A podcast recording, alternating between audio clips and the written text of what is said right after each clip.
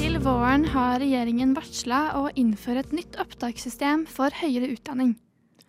Gutter i aldersgruppa 15 til 25 er aller mest opptatt av ytringsfrihet. Dette kommer nylig fram i opinionsundersøkelse Ung 2023. Det er svært høye frafall på bacheloren i journalistikk på Oslo OsloMet, der hele én av tre dropper ut i løpet av studiet. Det er en debatt angående hvor mye vi kan forvente av studenter og jobb ved siden av studiet. Vi må innom det aller helligste temaet blant studenter. Det er jo studiestøtte. Studiestøtte. Har du ikke hørt det? Det aller helligste temaet blant studenter. Studentnyhetene hver fredag fra 11 til 12 på Radio Nova. Ja, det hørte riktig. Du hører på Studentnyhetene her på Radio Nova, og eh, klokken er litt over elleve. Mitt navn er Sigrun Tårne, men jeg er jo ikke aleine i studio. Jeg har med meg to vakre uh, unge jenter, hvis det er lov å si. Uh, hei, hei, Anne Martine. Hallo. Og hei, Sunniva. Hallo. Hvordan har morgenen deres vært? Helt super. Veldig deilig. Våkne opp med store smil.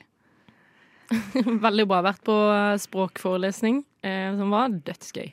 Mm. Jeg klarte jo da å forsove meg til den viktigste tingen jeg gjør i løpet av uka. Eh, men det ordnet seg i hvert fall eh, til slutt. Vi har en ganske spennende sending eh, foran oss, vil jeg si, så det er bare å følge med samordna opptak. Det er om rettssikkerheten eh, til norske studenter. Akademia Strid. Oslo OsloMet. Universitetet i Oslo. Studerer Studentnyhetene. Hver fredag fra 11 til 12.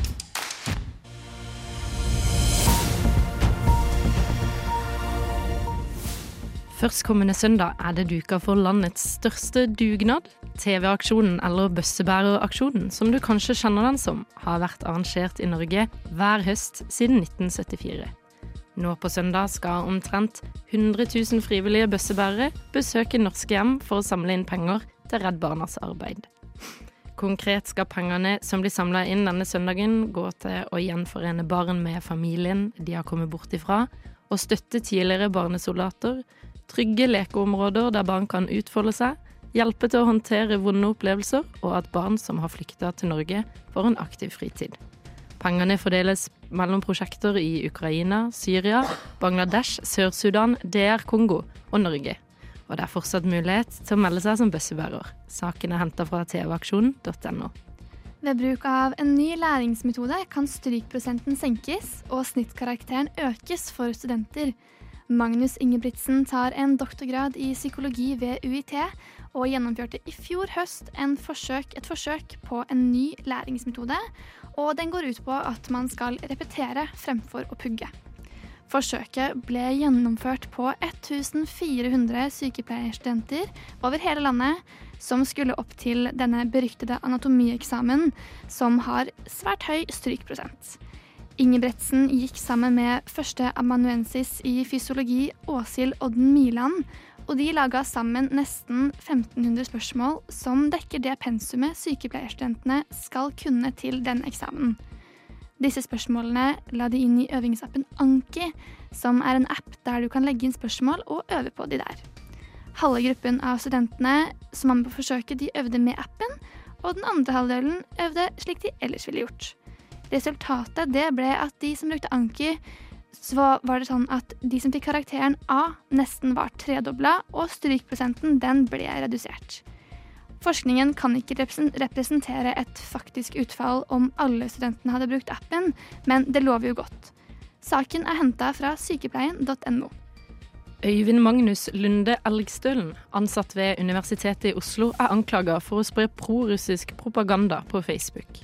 Elgstøen jobber med informasjonssikkerhet ved UiO, og kollegaer mener at hans politiske innlegg på sosiale medier er uh, uforenlige med stillingen hans. De hevder at det oppstår en rollekonflikt fordi hans prorussiske innlegg på sosiale medier står i motsetning til det de underviser i på universitetet. Elgstøen forsvarer sin rett til å uttrykke politiske meninger på sosiale medier, og hevder at hans politiske synspunkter og undervisning skal holdes atskilt. Han mener at ytringsfriheten er viktig, og at universitetet ikke bør legge seg opp i hva ansatte skriver på sosiale medier. Universitetets etiske regelverk påpeker at ansatte og studenter skal være bevisst om hvordan deres atferd, inkl inkludert på sosiale medier, kan påvirke arbeids- og læringsmiljøet. Samtidig er det en balanse mellom ytringsfrihet og universitetets interesser, og dette forstås som en kompleks problemstilling. Saken er henta fra Universitas. Neste fredag, altså 27. oktober fra klokka fire til sju, arrangeres det gratis klespustedag i studenthallen i Pilestredet 52 på Oslo OsloMet. Dette er for alle studenter i Oslo. Dette er både miljøvennlig og godt for lommeboka di. Nå kan du sikre deg opptil ti kuponger som du kan bruke til å bytte til deg ti klesplagg på dagen. Da kan du levere inn klær som er i god stand på alle SIO Atletica-sentrene fram til onsdag 25. oktober. Du kan også levere inn klærne på Oslo Met i Pilestredet 52 fram til torsdag. På selve klesbyttedagen kan du også bytte inn plagg, men da kan det hende du havner i kø, så det ville vært anbefalt å gjøre det litt tidligere. Det du kan levere, er fine klær og skjerf, vesker og hatter. For mer informasjon kan du sjekke ut eventkalenderen på SIO sine hjemmesider.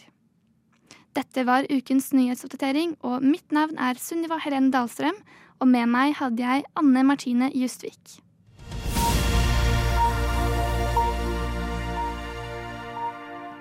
Eh, da er det sånn at eh, jeg eh, tenker ganske ofte på hvordan det er å søke seg inn på høyere utdannelse nå. For nå er det ganske mange år siden jeg i hvert fall har gjort det.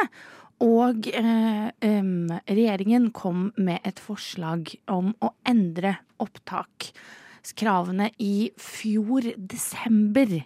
Eh, og det de da vil endre det til, det er at de har lyst til å fjerne alderspoeng, tilleggspoeng og blant annet eh, tilleggspoeng for førstegangstjeneste, og muligheten til å ta opp karakterer etter eh, videregående. Eh, grunnlaget for hvorfor de har lyst til å gjøre dette, er jo rett og slett fordi at vi ser jo nå at jeg føler det har vært eh, hver eneste sommer, så ser man at eh, karakterene har gått helt sykt opp, f.eks. på medisin og juss og den type ting, og at folk bruker mange, mange, mange år eh, for dette. Forslagene er jo nå på høring, og regjeringen har da varslet at eh, våren eh, 2024 så skal de legge fram et eh, samlet forslag eh, til eh, Stortinget. Uh, og da lurer jeg litt sånn uh, på hva dere tenker om det. Har dere brukt deres alderspoeng eller tatt opp uh, fag for å komme inn på studiet? Altså, jeg begynte faktisk rett på studiet etter videregående. og da brukte jeg mitt førstegangsvitnemål, så jeg har ikke gjort det. Men jeg har tenkt at hvis jeg skal studere noe mer etter min bachelor, så skal jeg bruke tilleggspoeng. Hva med deg, Anne Martine?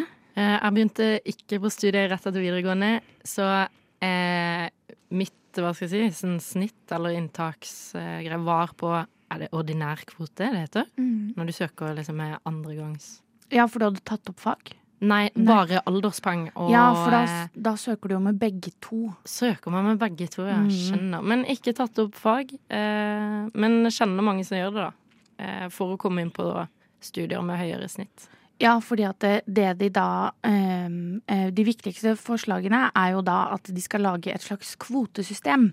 Hvor det er da 80 av eh, studieplassene skal være på en måte slik vi har det i dag. Og så skal resterende 20 være eh, en opptaksprøve, som er standardiserte prøver.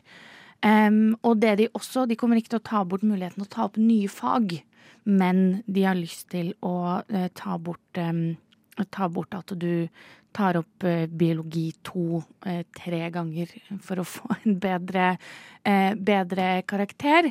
Eh, altså, det virker jo som at det, ut ifra hvert fall det jeg har lest, så virker det som at de, at folk er positive til, til denne endringen, men at de er sånn vi må ha en overgangsordning, fordi hva med alle de som sitter på Bjørknes nå og tar opp fag i hytten og pine? Hva med de?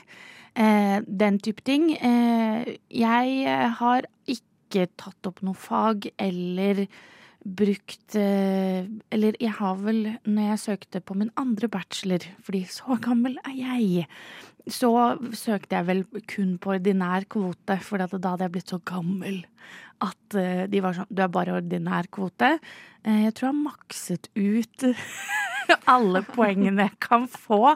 Men ikke fordi at jeg har gjort så mye, det er bare fordi at jeg har blitt litt eldre, og da får du tilleggs, tilleggspoeng. Men ja, jeg jeg er jo veldig spent, fordi at jeg føler at litt sånn standardiserte prøver er sånn vi har hørt om sånn SATs og sånne ting fra USA, og at det det blir jo som en slags ekstra eksamen, eller eh, hva tenker dere det? Anna Martine? Ja, det blir jo eh, Det blir jo kanskje litt mer sånn, og kanskje det er nødvendig, kanskje ikke. Men eh, det hadde jo på en måte åh, det, er jo, det er jo kjipt om man skal på en måte ta enda mer prøver, eller ta, gå på en enda større liksom Ja, ha mer eksamener, eller liksom ja, gå litt den veien. Men hvis det er nødvendig, så er det jo bra, på en måte. Hvis det er det som må til. Det kan jo i hvert fall være med på å Hvis det funker, så vil jo være med på å hjelpe folk å komme inn på den utdanningen de ønsker, selv om de ikke når det skyhøye snittet det har blitt nå. Um, men om det funker, det gjenstår jo å se om hvis det eventuelt innføres, da. Eh, absolutt. Jeg tror vi skal la det være eh, siste ord eh, herfra. Som student så har du lite penger å rutte med, jeg skjønner det. Men hva betyr det for studentene? Jo, Det tror jeg det er mange som lurer på.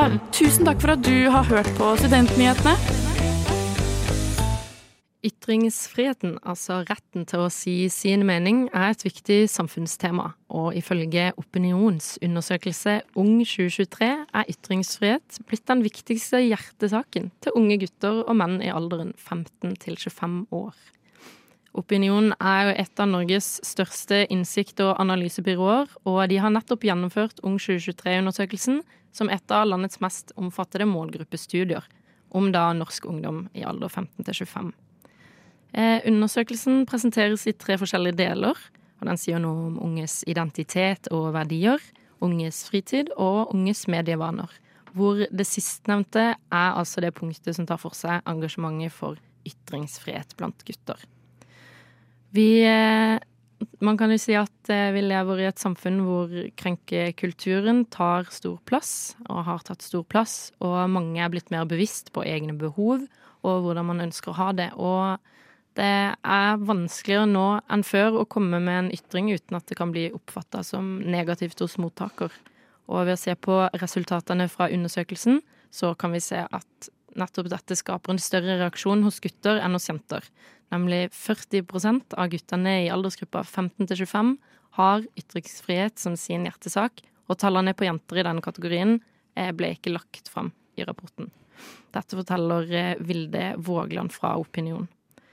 Um, selv om disse guttene synes ytringsfrihet er viktig, kommer det fram i rapporten at de også opplever det som skummelt å ytre seg i det offentlige rom.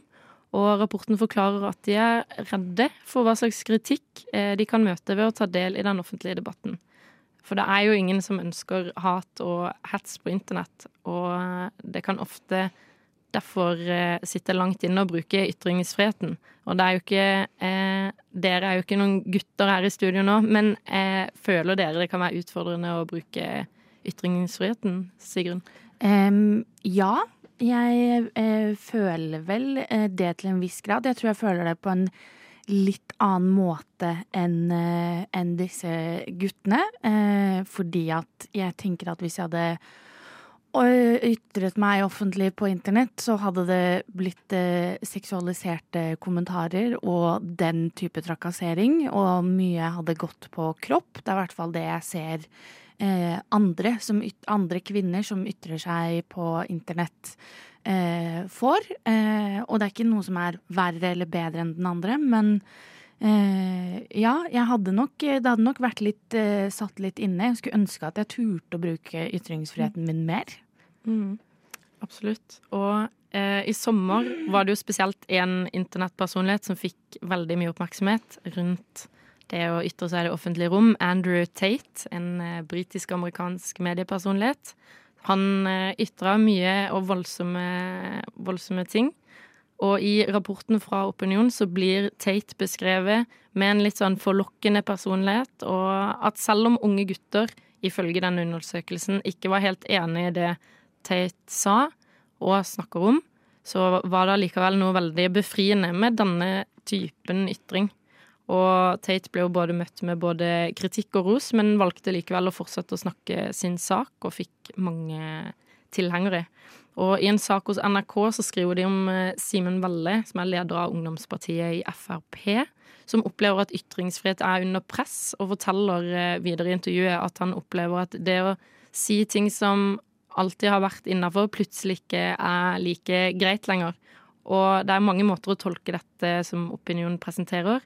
Men eh, jeg tror jeg har vanskelig for å tro at disse guttene som ikke tør å bruke ytringsfriheten, eh, kanskje ikke tør det fordi at de sitter på så ekstremt radikale meninger, men ja, kanskje de også er eh, rasjonelle. Eh, tenker dere at vi lever i et eh, for politisk korrekt samfunn, eh, Synnøve? Jeg opplever litt at eh, ting kanskje blir litt misforstått. For det Jeg tenker jo at hvis man ytrer seg i det offentlige rom, så sier det seg selv at eh, folk kommer til å komme med et motsvar, og det er helt lov. Man har jo lov til å ytre seg. Eh, der må man også forvente eh, å få kritikk tilbake, eller at folk holder med deg. Det er jo bare sånn det funker. Um, men jeg tenker jo også at det er ting som går litt langt noen ganger.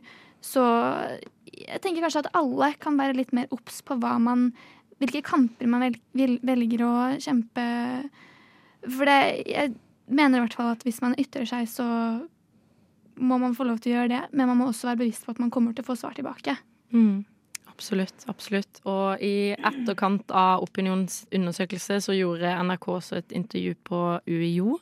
Hvor det kom fram at det der også var ytringsfrihet unge menn var aller mest opptatt av. Og de som ble intervjua, fortalte at eh, de også føler på at de må være litt mer forsiktige med hva de sier, og hvordan de velger å ordlegge seg, fordi at det de sier kan oppfattes som da altså politisk ukorrekt.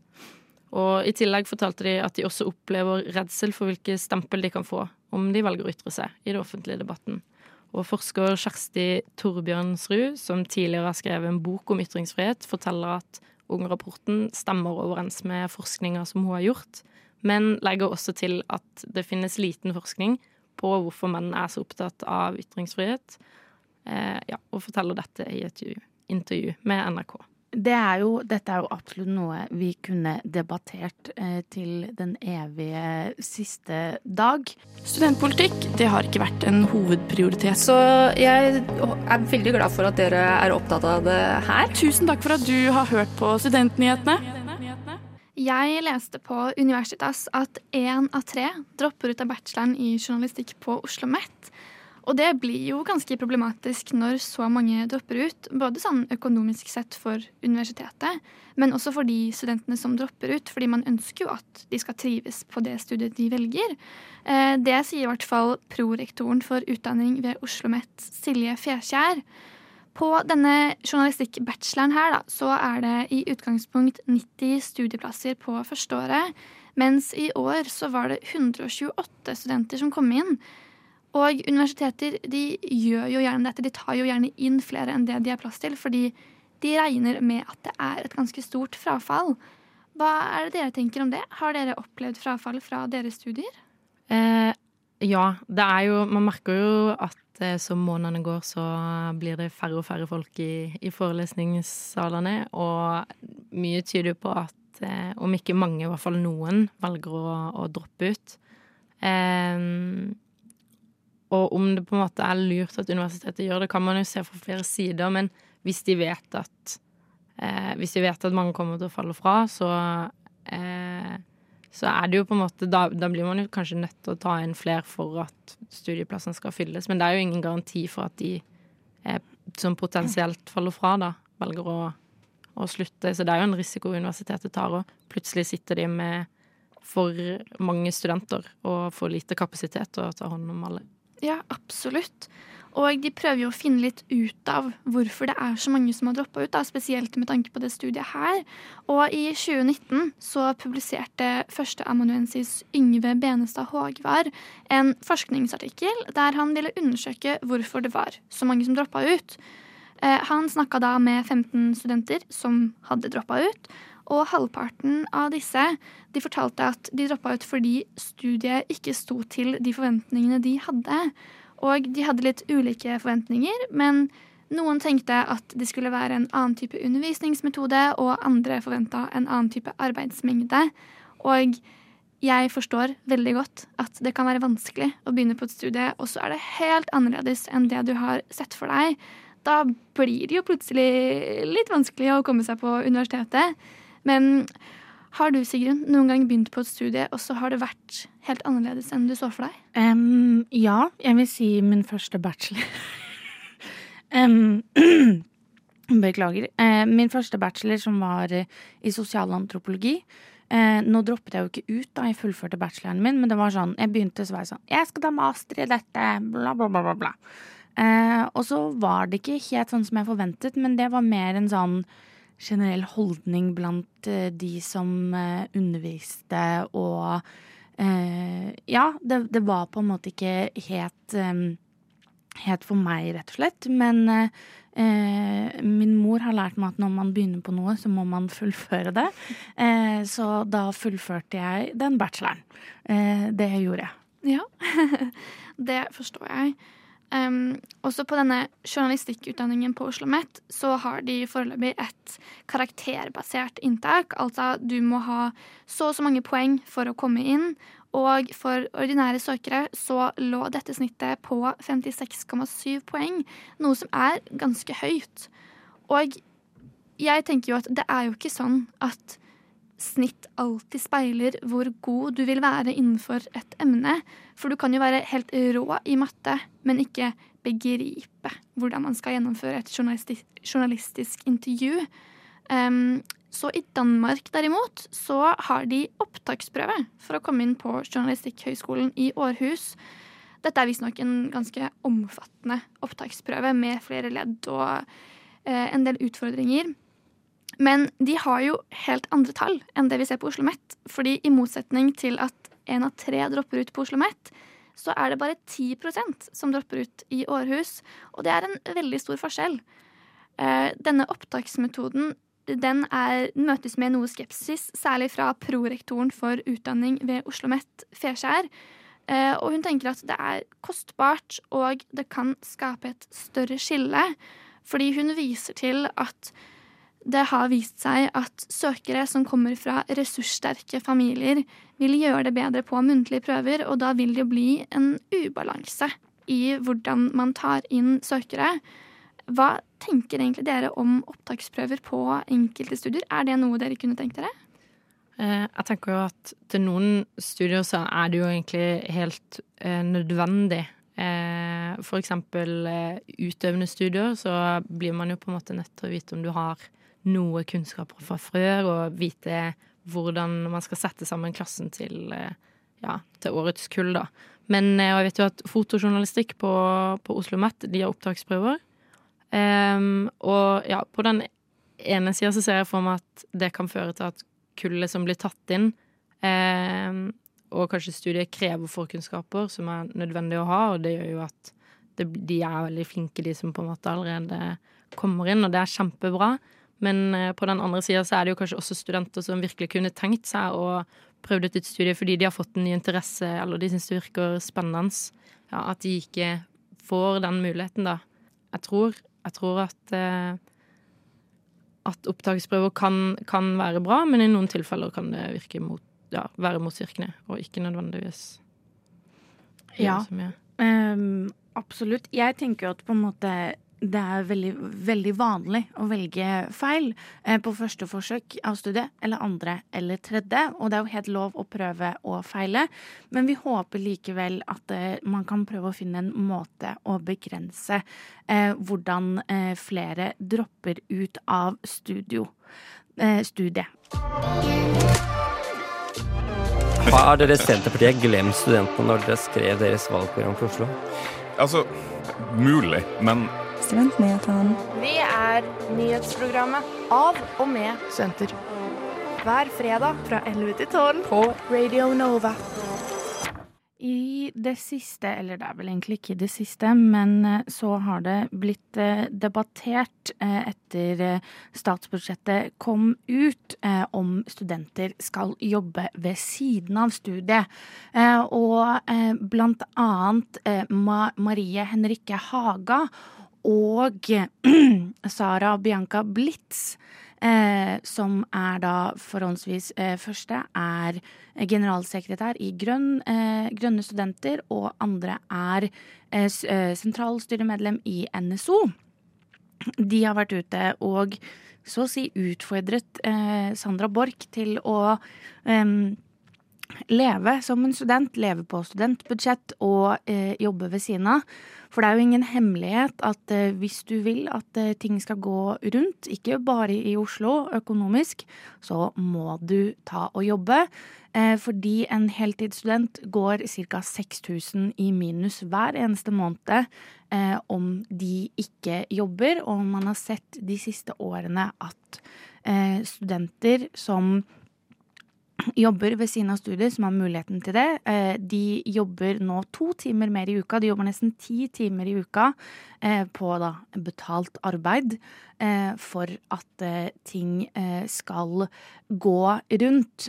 Og på den ene siden så har man jo folk som er sånn Det å studere, det er en fulltidsjobb, det er det vi forventer av deg. Det er derfor du får penger fra Lånekassen. Mens andre er sånn Nei, du kan ikke forvente at staten subsidierer eh, alt sammen, og at eh, du må jobbe ved siden av, og at det er positivt eh, at, eh, at, du gjør det. Sunniva, jobber du ved siden av studiet? Ja, eh, akkurat nå så har jeg to jobber ved siden av studiet. Eh, det ene er på en måte en jobb jeg har for at jeg må ha penger. Jeg trives veldig godt i den jobben. Men så har jeg også en mer studierelatert jobb. jeg syns at det er litt mye at jeg må jobbe. Ehm, for jeg skulle gjerne studert og bare gjort alt jeg syns er gøy hele tiden. Men så må jeg jo ha penger for å bo. Sånn er det bare. Anne Martine? Eh, jeg jobber også på barneskole, så det er ikke så veldig studierelatert. Det er et veldig koselig studie, nei, et veldig koselig jobb som eh, krever at jeg ikke kan være på forelesning, fordi da må jeg på en måte jobbe. Fordi skole og ja barneskole og studie er på akkurat samme tid. Men eh, ja, jeg syns eh, Til tross for at det er veldig koselig å jobbe der, så er det jo absolutt mest fordi at man eh, Ja, for at det er nødvendig, da. Ja, så du må rett og slett droppe å studere for å jobbe for å kunne leve? Kanskje satt litt på spissen, men ja. Eh, det blir, ja, det blir jo nesten litt sånn. Det er jo også litt opp til meg selv å finne en annen jobb som passer bedre til studiehverdagen, men eh, ja. Um, fordi at det, det, som eh, da er, det er jo rett og slett at uh, man med det nye statsbudsjettet så kommer studenter til å få ca.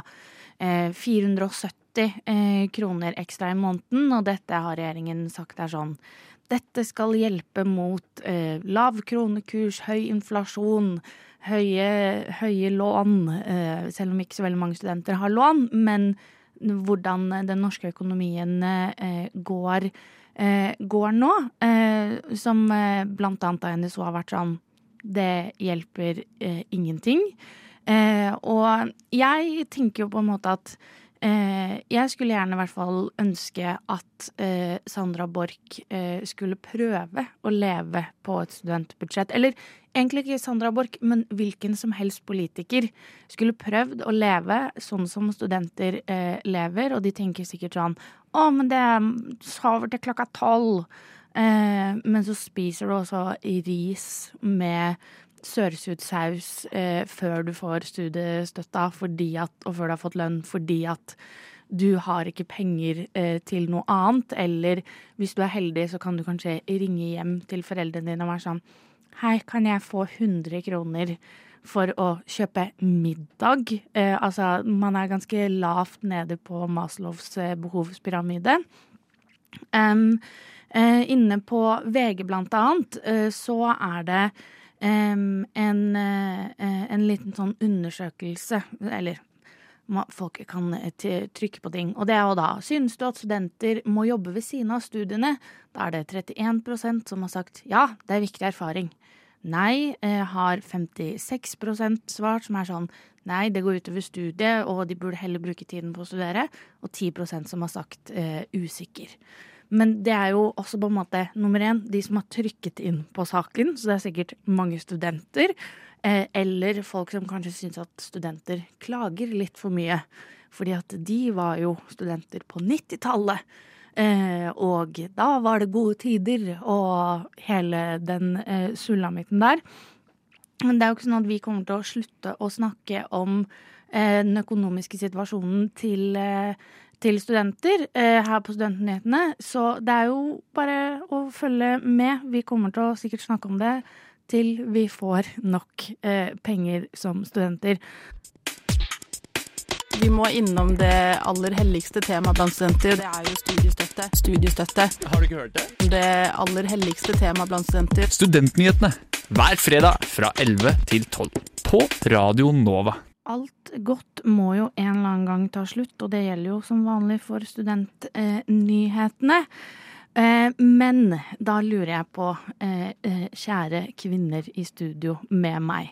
Anne Martine, hva skal du i helgen? Du, I helga så skal jeg på en konsert på lørdag. Ah, hva slags konsert skal du på? Det er en, en jazzkonsert. Oi, oi, oi. Kulturelt. Ja, Veldig kulturelt. eh, Sunniva, hva skal du bruke helgen på? Jeg skal i bursdag, og så reiser jeg til Berlin. Oi, oi, oi. Også veldig kulturelt å reise til eh, Berlin. Bursdag. De fleste bursdag hele tiden. Men uansett, folk blir født når som helst på året. Dårlig referanse. Eh, jeg er så heldig at eh, jeg skal på hyttetur! Jeg skal på hytte Eh, jeg skal på hyttetur med Radio Nova. Medlemmer som har meldt seg på hyttetur. Så det gleder jeg meg til. Jeg har faktisk ikke vært på hyttetur med Radio Nova før. Så det, det blir spennende. Skal jeg være helt ærlig, gruer jeg meg bitte, bitte litt til gåturen. Som jeg har fått kjeft av vennene mine for. At jeg sånn Sigrun, skjerp deg, det er en time. Og så er jeg sånn Ja, men Tenk hvis jeg ikke kan klage sånn som jeg vanligvis ville gjort hvis jeg var med dere. Jeg må liksom være sånn positiv og peppy og være sånn 'Dette går bra, alle sammen'. Eh, men eh, vi får se. Eh, jeg gleder meg i hvert fall til å se alle medlemmene som skal være med. Hvis du akkurat har hoppet inn, så er vi jo da Studentnyhetene. Eller kanskje du har hørt halve, hele, en tredjedel av, av sendingen. Eh, så har du lyst til å høre det igjen, da kan du høre oss der hvor du eh, finner eh, din foretrukne podkast, som jeg håper er Studentnyhetene. Ellers så kan du følge oss på Instagram, der heter vi Studentnyhetene. Og jeg oppfordrer jo alltid til å slide inn i DM-ene våre om du har en sak eller et eller annet du vil at vi skal vite om. Etter oss så eh, kommer eh, radiotjenesten, så du må bare høre videre på.